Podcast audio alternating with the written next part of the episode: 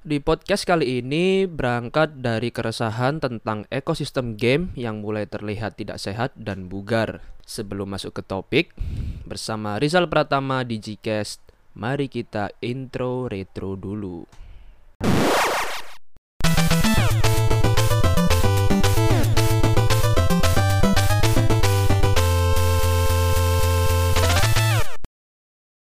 Oke, eh, selamat sore dan malam teman-temanku sekalian.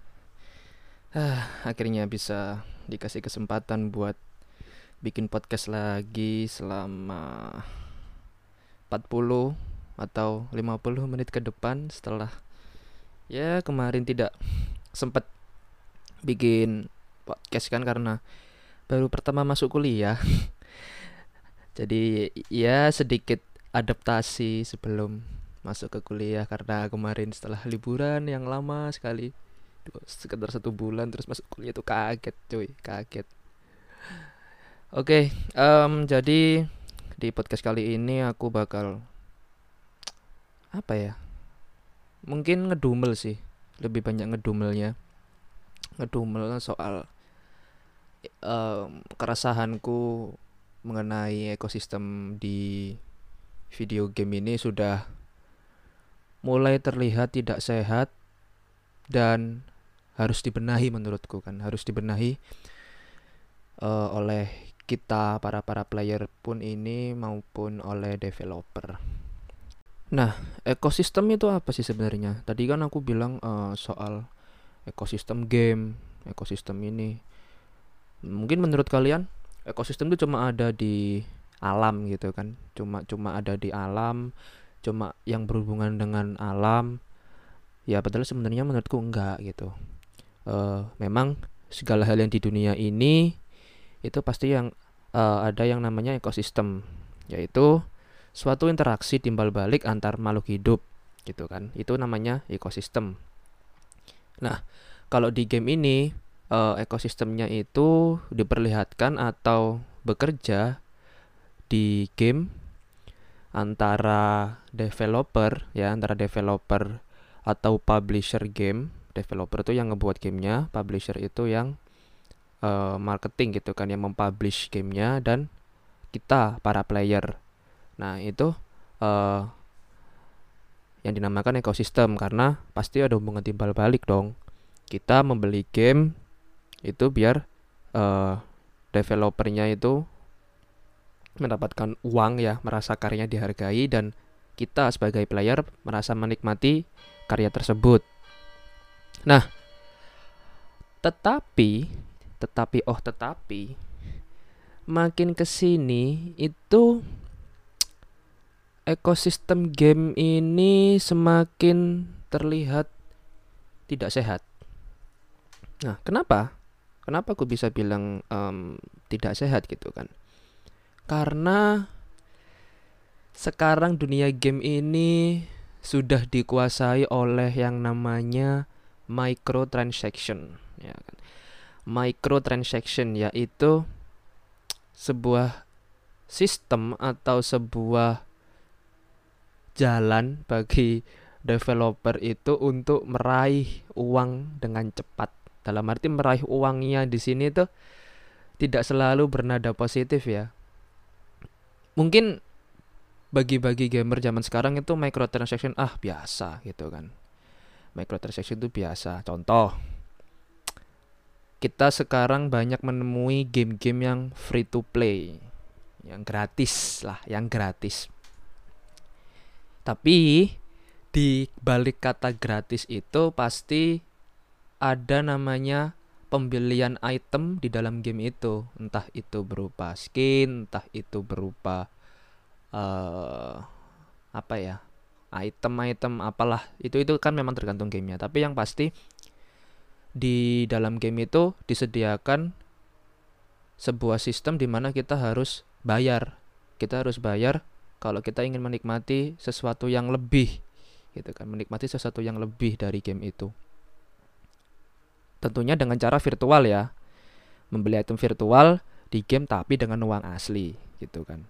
Beberapa dari microtransaction microtransaction ini memang bersifat opsional atau tidak perlu dibeli gitu kan itu terserah kalian mau beli atau enggak tetapi beberapa juga ada yang membuat karaktermu itu bisa uh, apa namanya lebih kuat gitu dibanding mereka yang nggak bayar dibanding mereka yang nggak beli microtransaction itu yang dibanding mereka yang tidak menerapkan atau tidak mau membeli item-item tersebut jadi uh, ada istilah pay to win kan gitu loh. Yang bayar menang dibanding yang tidak bayar. Ya maka dari itu sih um, akhir-akhir ini memang lagi konflik gitu kan lagi bukan konflik sih kayak uh, microtransaction ini sudah mulai meruak ke permukaan dan ketika meruak itu ya para para gamer ini lumayan dibenci lah. Lumayan dibenci.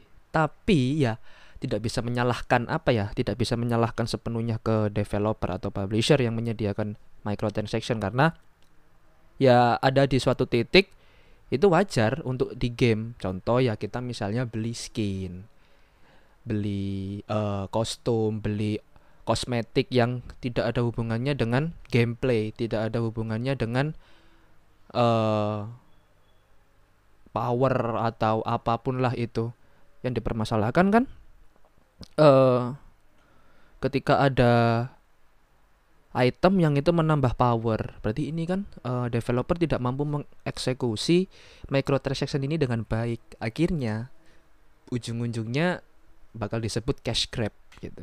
Cuma mau ya, cuma mau ngambil duit, cuma mau ngambil duit uh, para si play, si player-player ini gitu loh. Makanya ada istilah juga freemium gitu. Freemium. Biasanya kan premium. Kalau premium kita bayar dari awal ya kan? Sebelum beli game itu pas kita beli game itu kita bayar dari awal. Ya udah akhirnya langsung kita menikmati game itu. Ya meskipun uh, di game premium juga tidak menjamin tidak ada microtransaction. Cuman uh, paling tidak itu itu nggak terlalu parah lah freemium ini banyak terdapat di game-game mobile terutama kan game-game game-game mobile yang sekarang lagi hype, yang sekarang lagi uh, punya market yang sangat besar di Indonesia. Jadi freemium ini ya embel-embel oh ini game gratis free to play kok. Tapi ternyata setelah kita main wah itu itu bakal waduh parah itu microtransaction-nya gila sih. Nah, um, microtransaction yang baik itu seperti apa sih? Menurut menurutku ya microtransaction itu yang baik itu seperti apa? Menurutku microtransaction yang baik itu uh, dibuat bener-bener opsional. Bener-bener itu tidak mengganggu gameplay tidak mengganggu uh, kenyamanan bermain tidak mengganggu esensi fun dalam bermain game gitu loh memang itu opsional atau hanya itu bisa dibeli kalau gamer itu tertarik gitu loh. Tapi tidak tidak pernah mengubah esensi atau gameplay secara drastis di dalam game ketika kita bermain itu gitu loh. Contoh deh, contoh ya, contoh menurutku yang paling terbaik itu microtransaction-nya itu dari Valve ya, dari Valve Steam lah, Steam. Nah, itu dengan game-gamenya kayak Dota, Dota 2, terus CS:GO, terus misalnya apalagi um, Team Fortress gitu kan mungkin nah microtransaction ini itu sekedar kosmetik yang tak yang tak akan eh, yang tak akan memberikan kelebihan di pemain gitu loh. Tidak akan menambah power tidak akan menambah oh kamu bisa nambah attack speed gini bisa nambah uh, ability ini. Enggak itu itu enggak ada. Memang itu hanya sebatas kosmetik gitu kan. Hanya sebatas penampilan hanya sebatas kamu ingin show off ke teman-teman wah aku beli skin ini loh gitu loh. Jadi meskipun teman yang tidak beli itu ya nggak masalah. Tetap masih bisa main kan. Tetap bisa main dengan nyaman sama teman-teman tanpa harus merasa minder dan uh, takut gitu karena wah itu beli skin berarti dia dewa dong. Aku yang nggak beli skin cupu. Nah, itu yang yang lagi apa ya, sering-sering ini. Itu juga uh, pernah diterapkan di gamenya EA ya kan, Star Wars Battlefront 2. Itu itu sempat diprotes habis-habisan sih sama sama sama para para player dan fans fans Star Wars terutama ya itu karena microtransactionnya bisa dibilang sangat sangat sangat gila sangat sangat sangat crash cash grab. Jadi ya sekarang masa mau menang aja harus beli loot box gitu kan harus beli kotak itu buat buka sebuah karakter beli kunci dulu lah. Ya sampai kayak kayak gitu gitu loh. Itu sampai bahkan ada di pernah baca di suatu artikel gitu kan di Reddit kalau nggak salah uh, pihak IE ini pernah merencanakan gimana kalau kita itu membuat peluru tapi player disuruh bayar. Bayangin. Itu kita buat peluru, kita kita mau peluru gitu bayar cuy. Pihak sana, pihak IE-nya itu mikir gitu. Itu kan gila gitu loh menurutku. Itu kan bakal mempengaruhi semua gameplay bakal ada kesenjangan bakal ada gap mana player yang bayar mana player yang enggak gitu loh. Nah itu menurutku sangat-sangat um, buruk sih untuk microtransaction ini. Karena ya microtransaction itu memang perlu terkadang kan kayak misalnya DLC gitu. DLC itu perlu tapi asal dibuat dengan uh, serius gitu loh. Nah um, itu salah satu contoh microtransaction yang baik dan buruk ya. Kalau yang baik ya kayak game-game Steam itu kayak terus yang buruk ya kayak ya Star Wars Battlefront gitu-gitu. Oh, mungkin satu lagi sih seingatku ada Plan versus Zombie 2 ya kan Plan versus Zombie 2. Nah, di game di game itu walau meskipun kamu memang dimungkinkan untuk menyelesaikan game tanpa membayar sepeser pun ya kan. Tapi kesempatan itu benar-benar kecil gitu loh. Kesempatan itu benar-benar kecil karena uh, levelnya itu dibikin mustahil. Benar-benar mu ya nggak ya terkesan mustahil untuk dikalahkan tanpa istilahnya bantuan power up gitu loh. Bantuan power up atau item lainnya. Jadi ya seperti itu. Kesel gitu loh. Terus ya side effectnya tuh gede men. Gede kalau kita misalnya uh, memaklumi semua itu ya. Terkadang kan game gamer ah ya salah nggak apa-apa ngarin duit gitu kan grinding. Tapi grindingnya tuh mampus gitu loh. Nggak ada habisnya. Nah ini uh, micro yang di apa microtransaction ini salah salah tempat banget gitu loh. Salah salah tempat. Jadi uh, sebelumnya kan aku bilang Plan versus Zombie yaitu Plan versus Zombie-nya di mobile, lagi-lagi di mobile gitu loh. Karena mobile ini merupakan market terbesar, market terluas dan terbesar untuk para player ini terus terus mengeluarkan uang dan pihak atasan ini, pihak publisher terutama developer ini mengeluarkan uh, microtransaction microtransaction yang itu langsung bisa bikin cash grab gitu loh sama para player player.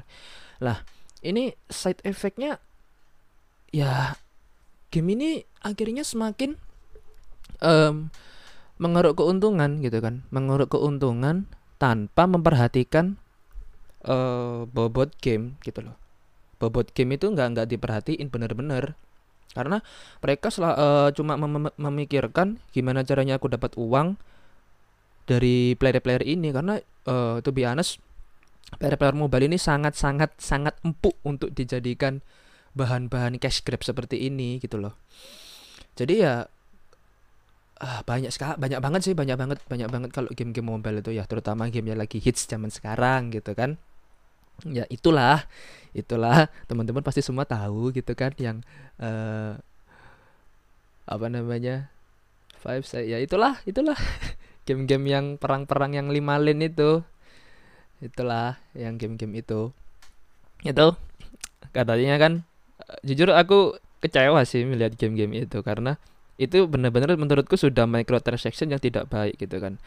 Ya masa kita beli skin nambah attack gitu kan. Nambah skin beli skin nambah attack. Ya menurutku itu itu nggak logis gitu loh. Meskipun banyak fans atau player player itu berdalih bahwa oh itu cuma namanya namanya sedikit kok. Itu namanya sedikit kok. Tapi ya tetap aja itu kalau kamu beli skin dan itu ada angka ada angka di dalamnya plus berapa ya mau nggak mau ya itu berarti kan nambah power kan sudah sudah nggak sehat gitu loh.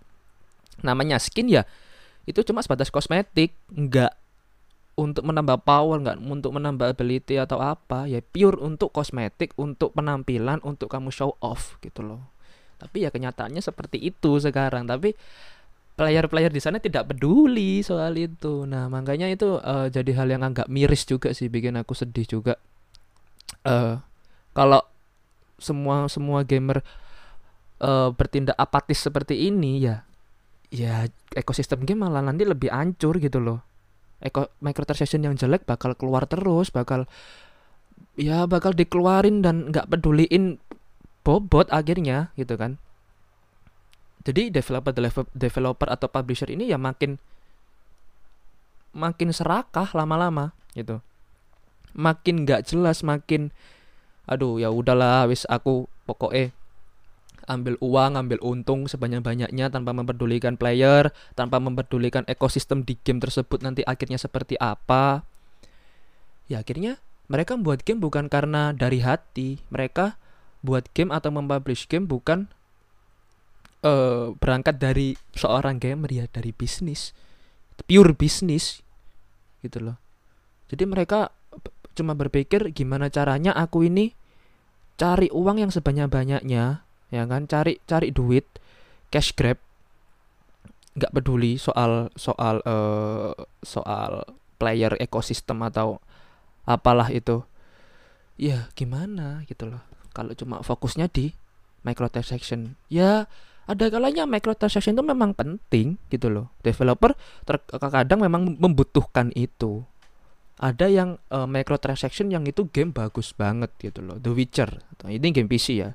The Witcher 3 itu ada soal uh, eh, DLC gitu kan. DLC atau downloadable content. Yang di mana itu konten terpisah gitu kan. Konten terpisah dari game asli. Cuma kita ketika kita membeli konten DLC itu itu benar-benar kayak kita tuh menikmati game baru story baru. Dan memang itu dibuat dengan serius nggak main-main. Jadi kita merasa worth it lah worth it untuk membeli itu. Jadi nggak masalah meskipun kita keluar duit asal itu memang layak untuk dibeli gitu loh. Nggak cash grab nggak asal-asalan dibuat. Pokoknya ya udah ini ini pasar yang empuk nih buat buat nyari duit gitu kan. Ya. Dan ketika sudah terjadi seperti itu esensi game ya bakal menghilang sih gitu kan esensi funnya esensi senengnya di game ini bakal hilang jadi uh, game ini hanya dia dijadikan untuk bahan kompetisi yang tidak jelas gitu loh. Hanya untuk beli skin itu hanya untuk ya pamer-pameran. Ya aku nggak masalah sih kalau cuma show off. Cuma terkadang nih ya, terkadang ada yang sampai iri gitu loh. Yang sampai show off skin itu sampai sebegitunya dan bikin teman-teman yang uh, yang belum sempat beli ini kayak aduh gimana ya aku iri ini gini gini gini gini gini gitu loh. Dan microtransaction ini menurutku bukan hanya satu-satunya uh, faktor ekosistem game ini deh. Maksudnya maksudnya uh, eh, apa? uh, aduh apa sih lupa aku. bentar, bentar. Oh ya.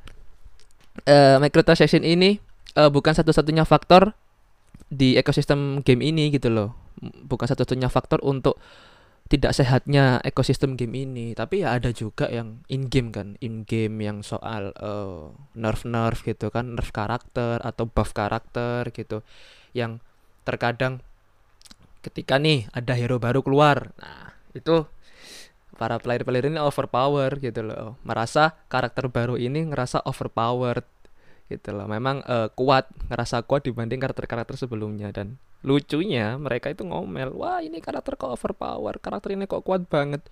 Ya tapi kamu masih main gitu loh. Lucu.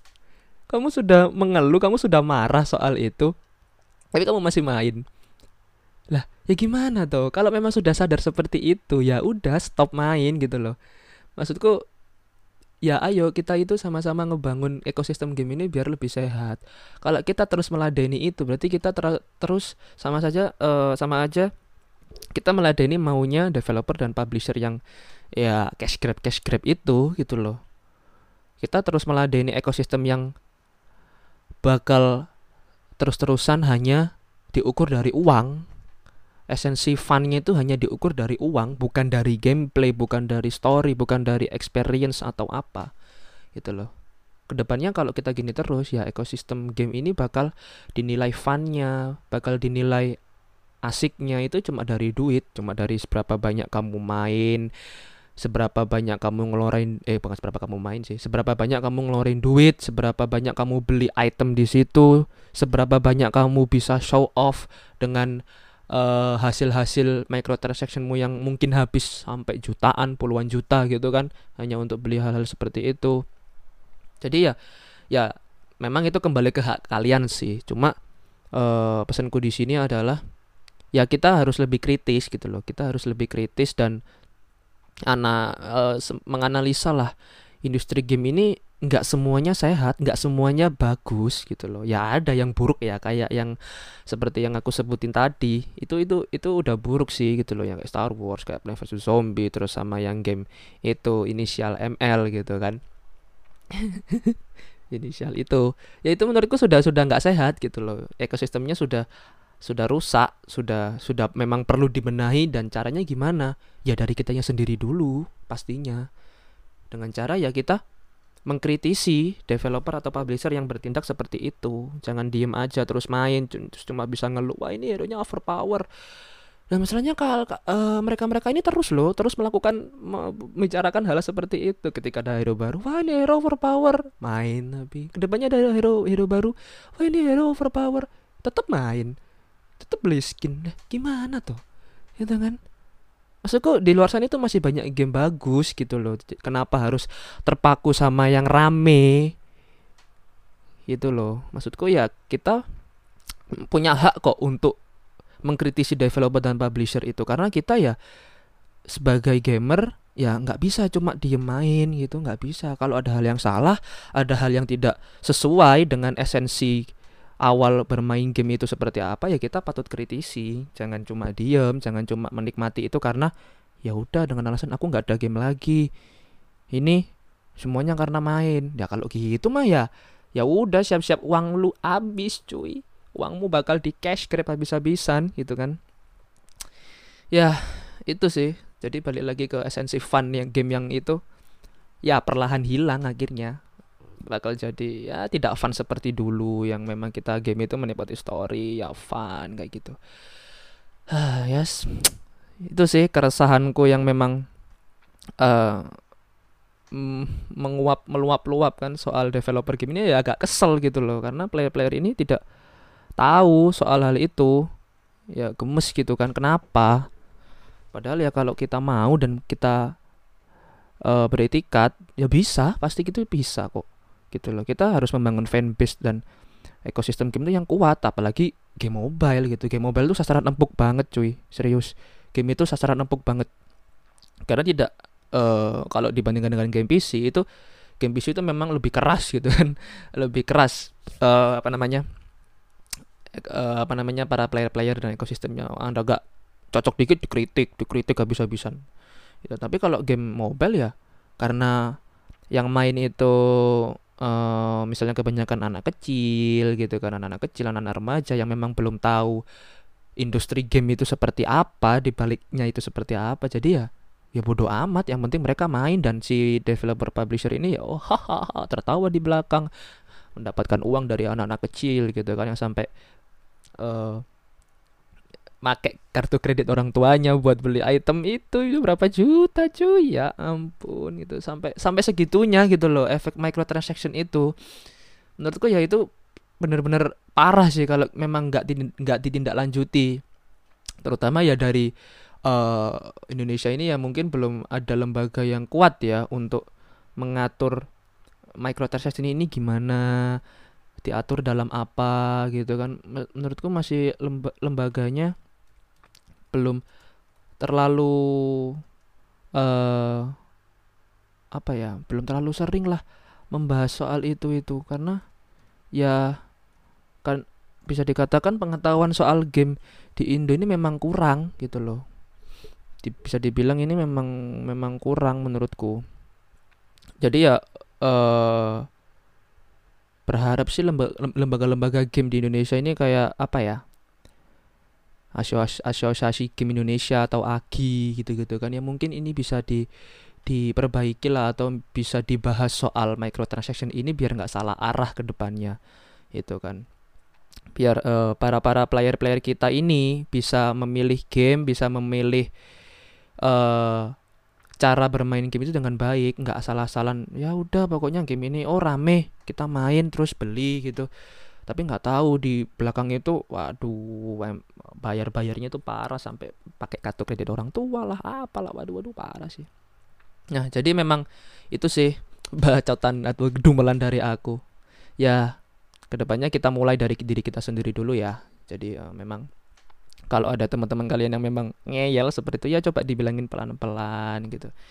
Kalau nggak bisa ya udah itu kembali ke hak mereka dan kembali ke hak teman-teman mau menikmati uh, game itu dengan cara apa. Tapi yang pasti jika ekosistem game ini akan berlanjut seperti ini terus ke depannya ya teman-teman jangan marah. Teman-teman jangan salahkan itu. Karena ya memang kita dan teman-teman sendiri yang membuat seperti ini. Kalau cuma diem diem diem diem diem tanpa mau berani bertindak mau berani speak up ya nggak bakal ini industri game itu berkembang dengan uh, cara yang lebih baik ke arah yang lebih baik gitu ya. Pasti hanya mementingkan cash grab cash grab cash grab seperti itu um, oke okay. uh, eh, sepertinya ini podcastnya tidak jadi selama 40 menit Coba jadi 30 menit btw. mohon maaf, mohon maaf. Uh, saya kira ini bakal aku bakal kepanjangan ngomongnya tapi ternyata oh sebentar nih 30 menit. mohon maaf, mohon maaf. Ya, uh, segitu dulu bacotan dan dumelan dari aku mengenai ekosistem di game ini yang mulai tidak sehat. Ya, pesanku sih memang ayo kita sebagai player ini sama-sama nge-build up lagi ekosistem dan industri game ini yang lebih sehat ke arah yang lebih sehat gitu kan. Jangan uh, jadi player yang tidak cerdas lah gitu kan dalam memilih game. Meskipun game itu memang hanya diperuntukkan untuk senang-senang tapi kenyataannya game ini sekarang tidak hanya untuk itu aja. Memang kebanyakan untuk bisnis gitu kan. Bisnis yang tidak sehat kayak cash grab gitu. Makanya uh, itu bergantung pada player seperti kita. Karena kita ini market market terbesar. Kalau marketnya sendiri itu gampang dipengaruhi oleh hal-hal seperti itu ya industri game ini nggak bakal berkembang ke depannya. Kita bakal jadi objek cash grab terus menerus jadi memang harus dimulai dari playernya sendiri dari kita kitanya ini gitu kan. Tetapi ya itu kembali ke teman-teman lagi sih gitu kan. Aku di sini memang hanya menyampaikan pesan bahwasannya memang kenyataannya industri game ini seperti ini loh gitu. Jadi diharapkan teman-teman bisa mm, menganalisa lagi dari game-game teman-teman yang mainin gitu kan, biar ke depannya industri game ini bisa jadi lebih sehat dan lebih clear untuk dimainkan secara fun. Oke, okay, um, terima kasih buat teman-teman sudah mendengarkan podcast tentang ekosistem game. Uh, saya Rizal Pratama dari Gcast dan goodbye.